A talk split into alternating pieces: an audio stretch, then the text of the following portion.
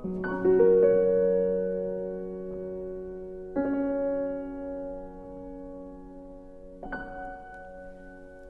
en baie welkom by Vers en Klank. Ek is vanaand weer bitter bevoorreg om 'n welbekende stem, nie net digterstem nie, maar ook radiostem saam met ons in die ateljee te verwelkom. Die wydbekroonde en gerespekteerde digter, literêre programmaker en vertaler Daniel Hugo wat 'n slaggie daar uit Prins Albert gekom het om vir so wyle in die Kaap te kom kuier en te werk. Daniel, baie welkom. Ja, baie dankie. Altyd lekker om hier te wees. Toe ek vir Daniel vra of ons onderhoud kan doen, toe vra hy uh, oor watter bundel nou weer. en dis tekenend van hoeveel jy nog werk, die heeltyd werk. Ons het onlangs na sy pragtige vertalings van Charlotte van den Broek se bundel Chameleon geluister na twee afleweringe van Maskers en Mure uitgegee deur Turks Vy Publikasies waarvan hy die mede-samesteller saam met Franco de Jong was. En luisteraars kan ook uitsien om verse te hoor uit nog 'n vertaling wat Protea hierdie jaar uitgegee het. 'n Keuse uit die gedigte van Eddie van Vliet met die titel Na die wette van afskeid en herfs. Ook uit die Nederlands vertaal deur Daniel.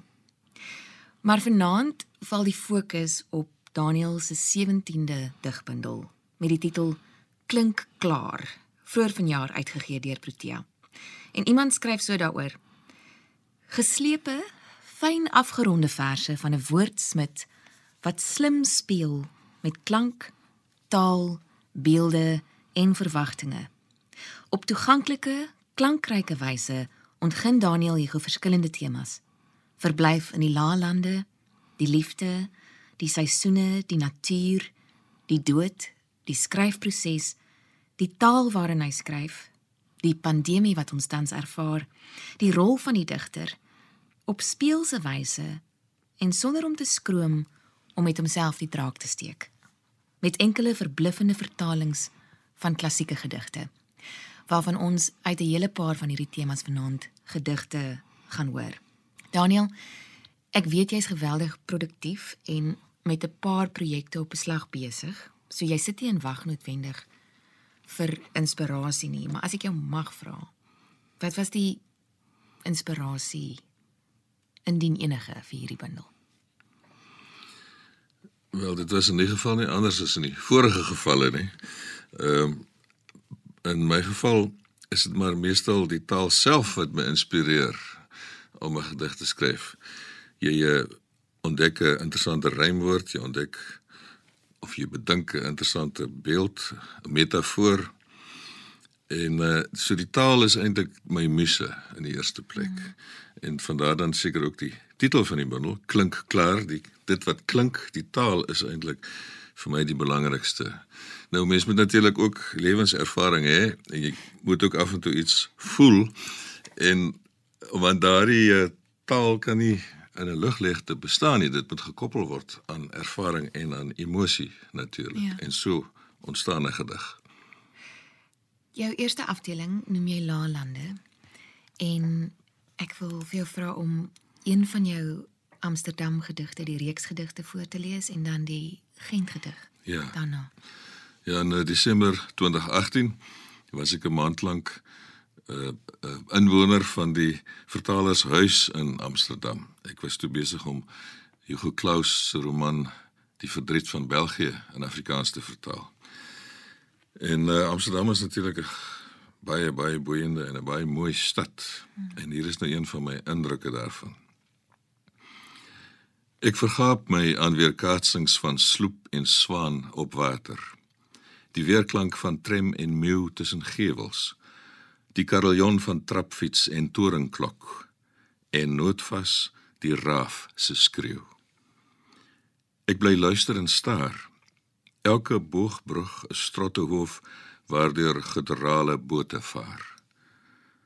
En staan verstom. My keelgat soos 'n grag gedemp. Welluidend om my stroom die stad. En dan van die raaf na die kraai. Ja, ja, in Gent. Want die vorige 2 maande, Oktober en November van 2018 was ek vertaler op kampus gewees by die Universiteit van Gent. En uh ek op uitnodiging van professor Yves Chun, hy bied Afrikaans daaraan. En dit was ook 'n wonderlike ervaring. Ek het uh, daaglikse stap van waar ek gewoon het na die fakulteitsgebou en dikwels 'n kraai sien sit op 'n lamppaal. Vanaf sy hoë lamppaal bekyk die kadaverkenner my. Niks sal hom ooit kan walg blyk uit daardie skalpel se weersinwekkende gekruis. Dis eeue laas dat hy kon smil aan swaaiende galgeaas. Waarom hou hy my kil in die oog? Ek het 'n vaar benul, 'n stinkende spesmaas. Om aan te sluit by wat jy nou net gesê het oor om iets te bedink, maar dan ook iets te bevoel saam met die saam met die gedagtes daaroor. Um Nini Bennett het geskryf in haar resensie van Klink klaar dat jy per geleentheid gesê het dat jou poësie 'n produk is van jou brein en dat emosie ondergeskik is aan die digprosesse. Uh maar nie nie van belang nie. En ons gaan nou na die volgende afdeling liefde. En die die die titelgedig van die bundel klink klaar is dan ook die eerste gedig in hierdie afdeling. Ja. En dis natuurlik opgedra aan Marlene Malan, my vrou klink klaar. Jy hoor dadelik die dowwe klank van 'n vals munt. Oombliklik herken jy 'n swak allooi. In die smeltkroes van jou liefde is ek gepuur en opnuut gegiet tot 'n klinkende metaal, 'n suiwer simbaal. Hoor net hoe my verse fluister en skal. In Korintiërs 13 is um, Dit is gaan nie by ons verby nie. Dit was die interteks inderdaad. Ja, Ja. ek kom uit 'n pastorie, Ja. net soos jy. Markie Bosman ehm um, skryf so in haar resensie van Klink klaar. Sy sê 'n nuwe digbundel van Daniel Hugo is altyd te verwelkom. Nie alleen omdat hy so 'n produktiewe skrywer is nie, maar ook omdat sy arbeid op verskillende terreine rakende die letterkunde hom een van die bekendste kolporteurs van die Afrikaanse digkuns maak. Iemand wat vandag baie deur die digkuns benodig word. Ons leef in 'n tyd waarin die poësie die sentrale posisie in die Afrikaanse literêre kanon wat dit in die vorige eeu gehad het, moes afstaan ten gunste van die prosa. Dit behoef min verduideliking dat die woordkuns in gedrukte vorm beleer word deur die groot aanbod wat deur die elektroniese media, veral deur die visuele media moontlik gemaak is. Om 'n ander rede is Hugo ook van belang. Sy verse is wat vorm en inhoud betref steeds taamlik tradisioneel. Hy skryf steeds op die netjiese, afgeronde manier wat vir die meeste lesers die skrifbeeld voorhou wat met die eerste oogopslag as poësie herkenbaar is. Ook inhoudelik hou Daniel Hugo hom grootendeels by wat gewone lesers van die digkuns verwag, soos verwoord in die allitererende titels van 5 van hierdie 6 afdelings van Klink klaar: Laalande, Lente, Liefde, Lamento en Ligtig. En dan sit vir my baie belangrik en vir my baie mooi wat sy skryf. So slim soos wat Hugo se gedigte is, laat hy nie sy lesers of sy onderhoudvoerder dom voel omdat hulle nie eens die betekenis van die afdelingstitels kan verstaan nie. Meestal het Daniel Hugo hom tevore ook nie op sleeptou laat neem deur een of ander saak nie. Sy bekommernis oor die oorlewing van Afrikaans as kultuur en literêre taal is die belangrikste uitsondering. Al sou die stipte leser wel in vorige bundels bepaalde simpatie kon aantoon. Daniel, is daar nou een of ander saak waardeur jy tans op sleeptou geneem word? Ek uh, word nie sommer op sleeptou geneem nie. maar uh, wat my wel bekommer en dit het ook al in vorige digmiddels uh, tot uiting gekom, is natuurlik die verwoesting van die aarde, van ons omgewing. So ek is ook ekosensitief sou ja. mens kon sê. En uh, een van die uh, gedigte in hierdie bundel of meer as een van die gedigte in die bundel het wel daarmee te doen. Miskien uh, kan ek een lees. Ja, ons gaan ons gaan terugkom na die liefde toe. Ja. Ja. Ehm uh, dit is gedoemde domein op bladsy 51. Gedoemde domein. Nêrens is daar vir ons heling. Gerug van aardgas en uraan. Dit is vir ons tyd om te gaan. Die smaak van melk en van heuning, die groot stilte se soet streeling gaan binnekort vergoed verslaan. Gaan wegdwarrel en vinnig taan in stof wat uit die veld opstaan en 'n diep onaardse dreuning. Al roep die klippe hul mening, sal niemand dit hoor of verstaan. Gerug van aardgas en uraan. Dit is vir ons tyd om te gaan. Hmm. Dis dis geskryf na aanleiding van die gerugte wat daar was dat daar fracking gaan plaasvind in ja. die Karoo. Ja. ja. Kom ons gaan terug na die afdeling oor die liefde. Ehm um, daar's twee gedigte wat op mekaar volg. Die een is naskrif met die Dis vir my net so mooi. Ek sal dit sommer vir jou lees. Asseblief.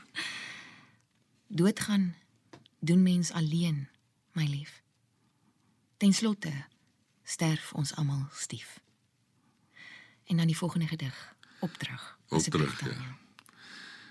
Sonder jou is ek 'n boek wat stof vergaar op 'n rak. Een wat na 'n leser soek. Die lewe sal my verpulp sonder jou priemende blik, jou indringende geduld.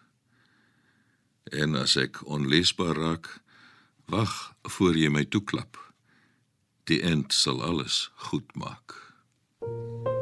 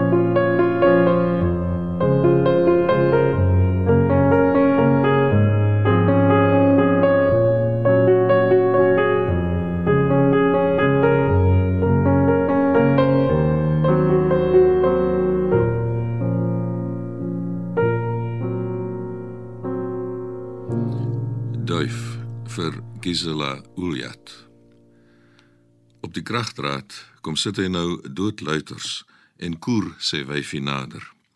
Ongepla deur die 1000 volt waarop sy pootjies rus.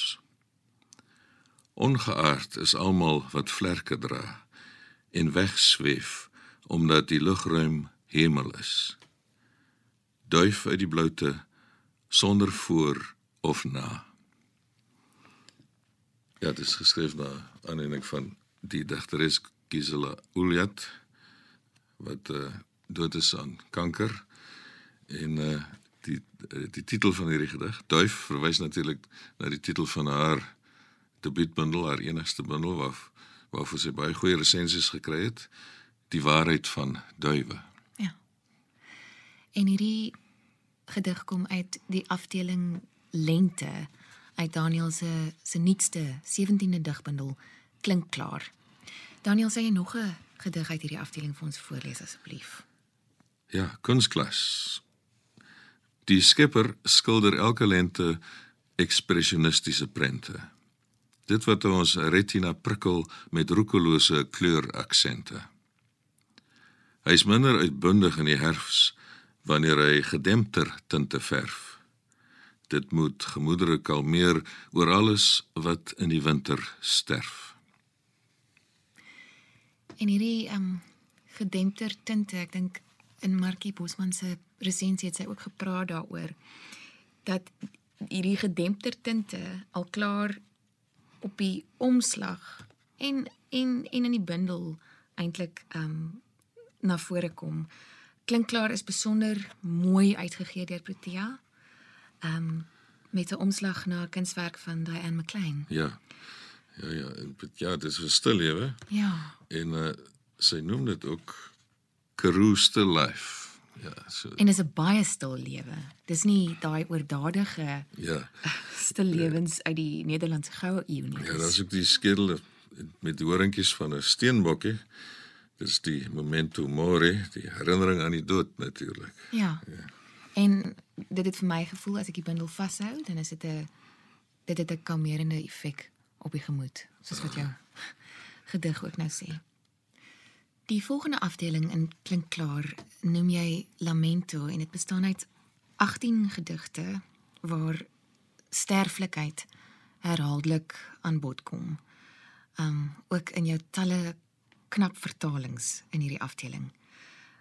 Kan ons begin met die met die eerste gedig? Um wat vir my verskriklik mooi is. Ja, dit is 'n uh, gedig van my ma wat uh, verlede jaar op 1 September op lentedag oorlede is. Lied vir haar uitvaart. As kind het ek net een keer my ma hoor sing. Die bootjie na Kamaland. Dit was die soetste ding wat ek ooit sou ervaar. Heen en weer het sy gewig. Hoe sag gly ons bootjie op golfies wat duin in die skyn van die maan. Nou moet ek wat nooit die nood kon hou, haar begelei op hierdie vaart wat na Kamaland voer, die land waar jonkheid mos nimmer vergaan. Ek staan aan die roer, verbeel my ek's stuurman in 'n bootjie van papier. Ja, jy kan maar sê wat jy wil oor jou brein, jou hart is net 'n klein bietjie agter.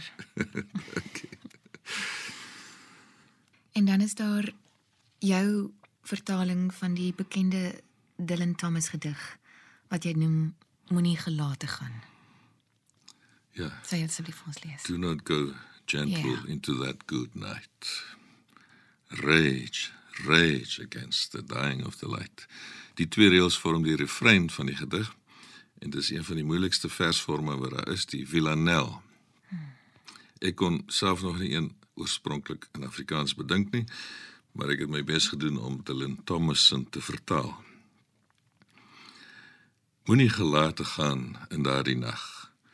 'n Ou man aan sy end moet gil en veg, moet skel, skel teen die uitdoof van die lig. Al weet die wyses donkerte het reg, as hul woorde sonder weerlig bly, gaan hulle nie gelate in daardie nag. Die goeies in die epgety wil nog dat vlammend in die baai hul dade dans en skel, skel teen die uitdoof van die lig. Die wildes wat die son vang in sy vlug en te laat begryp hul betreur sy baan wil nie gelate gaan in daardie nag. Die norses naby die dood sien verlig blinde oë kan soos komete glans. Hul skel skel teen die uitdoof van die lig. U wat nou wag op die slot van die dag, Vader, laat ons die stryd finaal besleg. Moenie gelate gaan in daardie nag, maar skel, skel teen die uitdoof van die lig. Daar's nog talle knap vertalings um, van gedigte onder andere deur Yeats, R.S. Thomas, Cummings en Emily Dickinson. En Daniel se eie registrasie dan van die COVID-19 pandemie vind neerslag in twee van hierdie gedigte. Uh 2020 en dan die volgende een Herstel. Sal jy Herstel vir ons lees Ja, asseblief Daniel? graag. Die aarde word weer blou. Alle hawens is gesluit. Vliegtuie staan geparkeer. Grou bote bly vasgemeer sodat die albatros kan sweef en die dolfyne herleef in die kanale van Venesië. Die karnavalstad waar jy jou vergeefs soos 'n kraai vermom om vir die skrander pes te vlug. Hierdie virus is kieskeurig. Hy vind die besoedelaar, die mens. Daar's die kraai weer. Ja.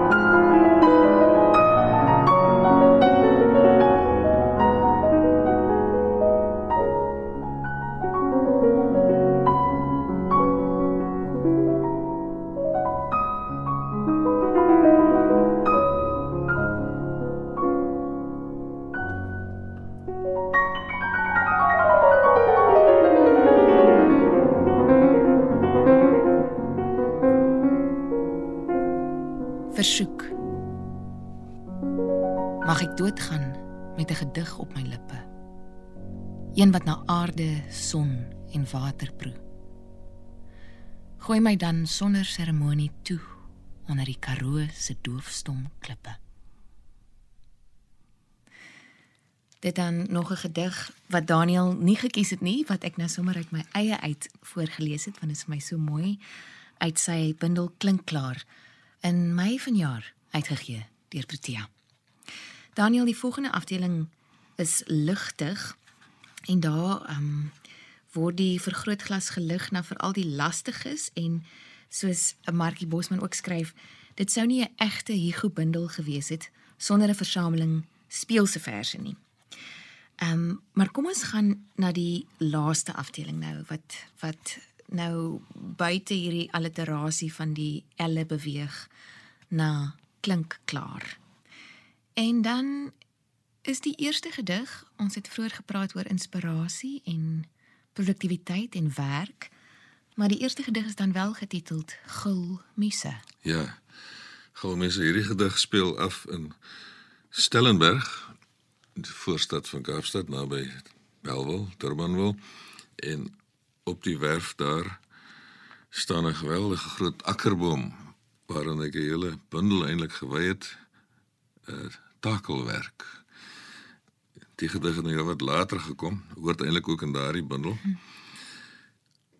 Gulmisse. Ek sit onder die eik waar akkers val. Alles digterlike materiaal oordadig deur hierdie gulde herfs verskaf. Kom, hart dit nou mooi op hoop, sê jy. Die plek moet ons behoorlik netjies kry. Ek swoeg en swet dat die silabe spat. Die werf is skoon, 'n onbeskrewe blad. Bo my kop, soos 'n rym, knak 'n akker af.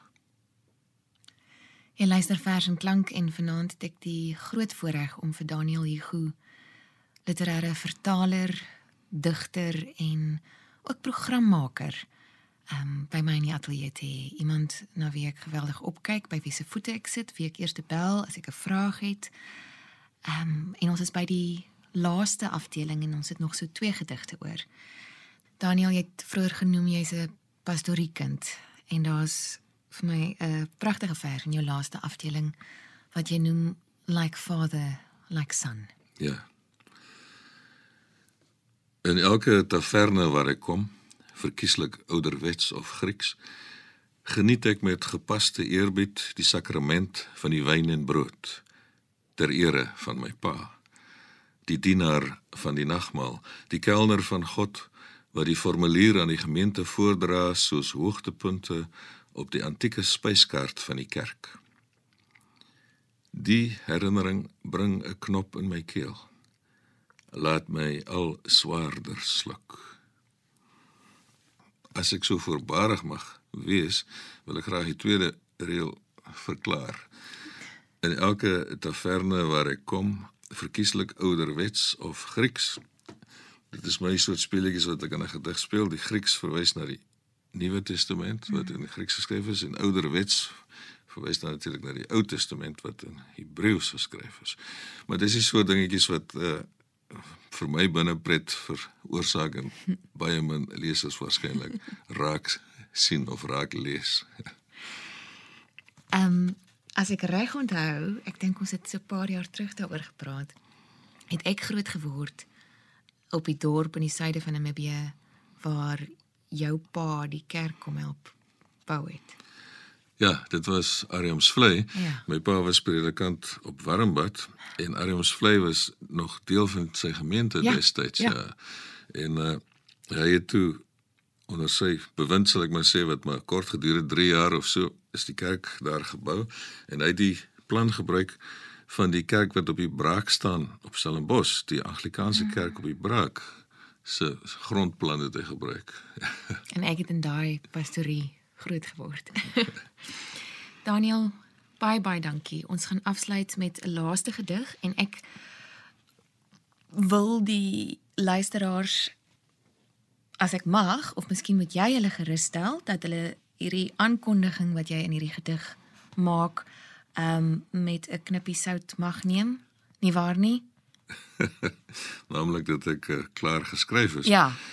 Ja, hulle moet dit maar met 'n knippie sout Okay, neem. dankie tog. Eh, Daar is daar lê manuskrip op my rekenaar met die titel Doofpot gedigte. So maar hulle is dus nog in die doofpot. Kennisgewing. Ek het nou genoeg ryme versluit in die klinkende munt van die taal. Die voorraad is byna uitgeput. Ek wil nog graag enkeles nalat verander wat nagte gaan deursit en reken op 'n sinryke slot. Hiermee word my rekening gesluit. En hiermee word ons rekening vir vanaand gesluit, maar dank die Vader nie Daniel Hugosen as dit van ons en van hom nog afhang nie. Daniel, baie dankie. Dis 'n pragtige bundel. Nini Bennett eindig haar resensie met hierdie woorde. Sy sê met hierdie bundel lewer die digter 'n klinkklare bewys van 'n soliede digterskap. Dis 'n bundel wat as 'n hoogtepunt in Hugo se oeuvre geboekmerk kan word, maar ook vir die liefhebber van poësie baie vreugde sal verskaf. Klink klaar deur Daniel Hugo, uitgegee deur Protea. Van my, Frida en vanaand Daniel Hugo. 'n Mooi week vir jou. Tot volgende keer.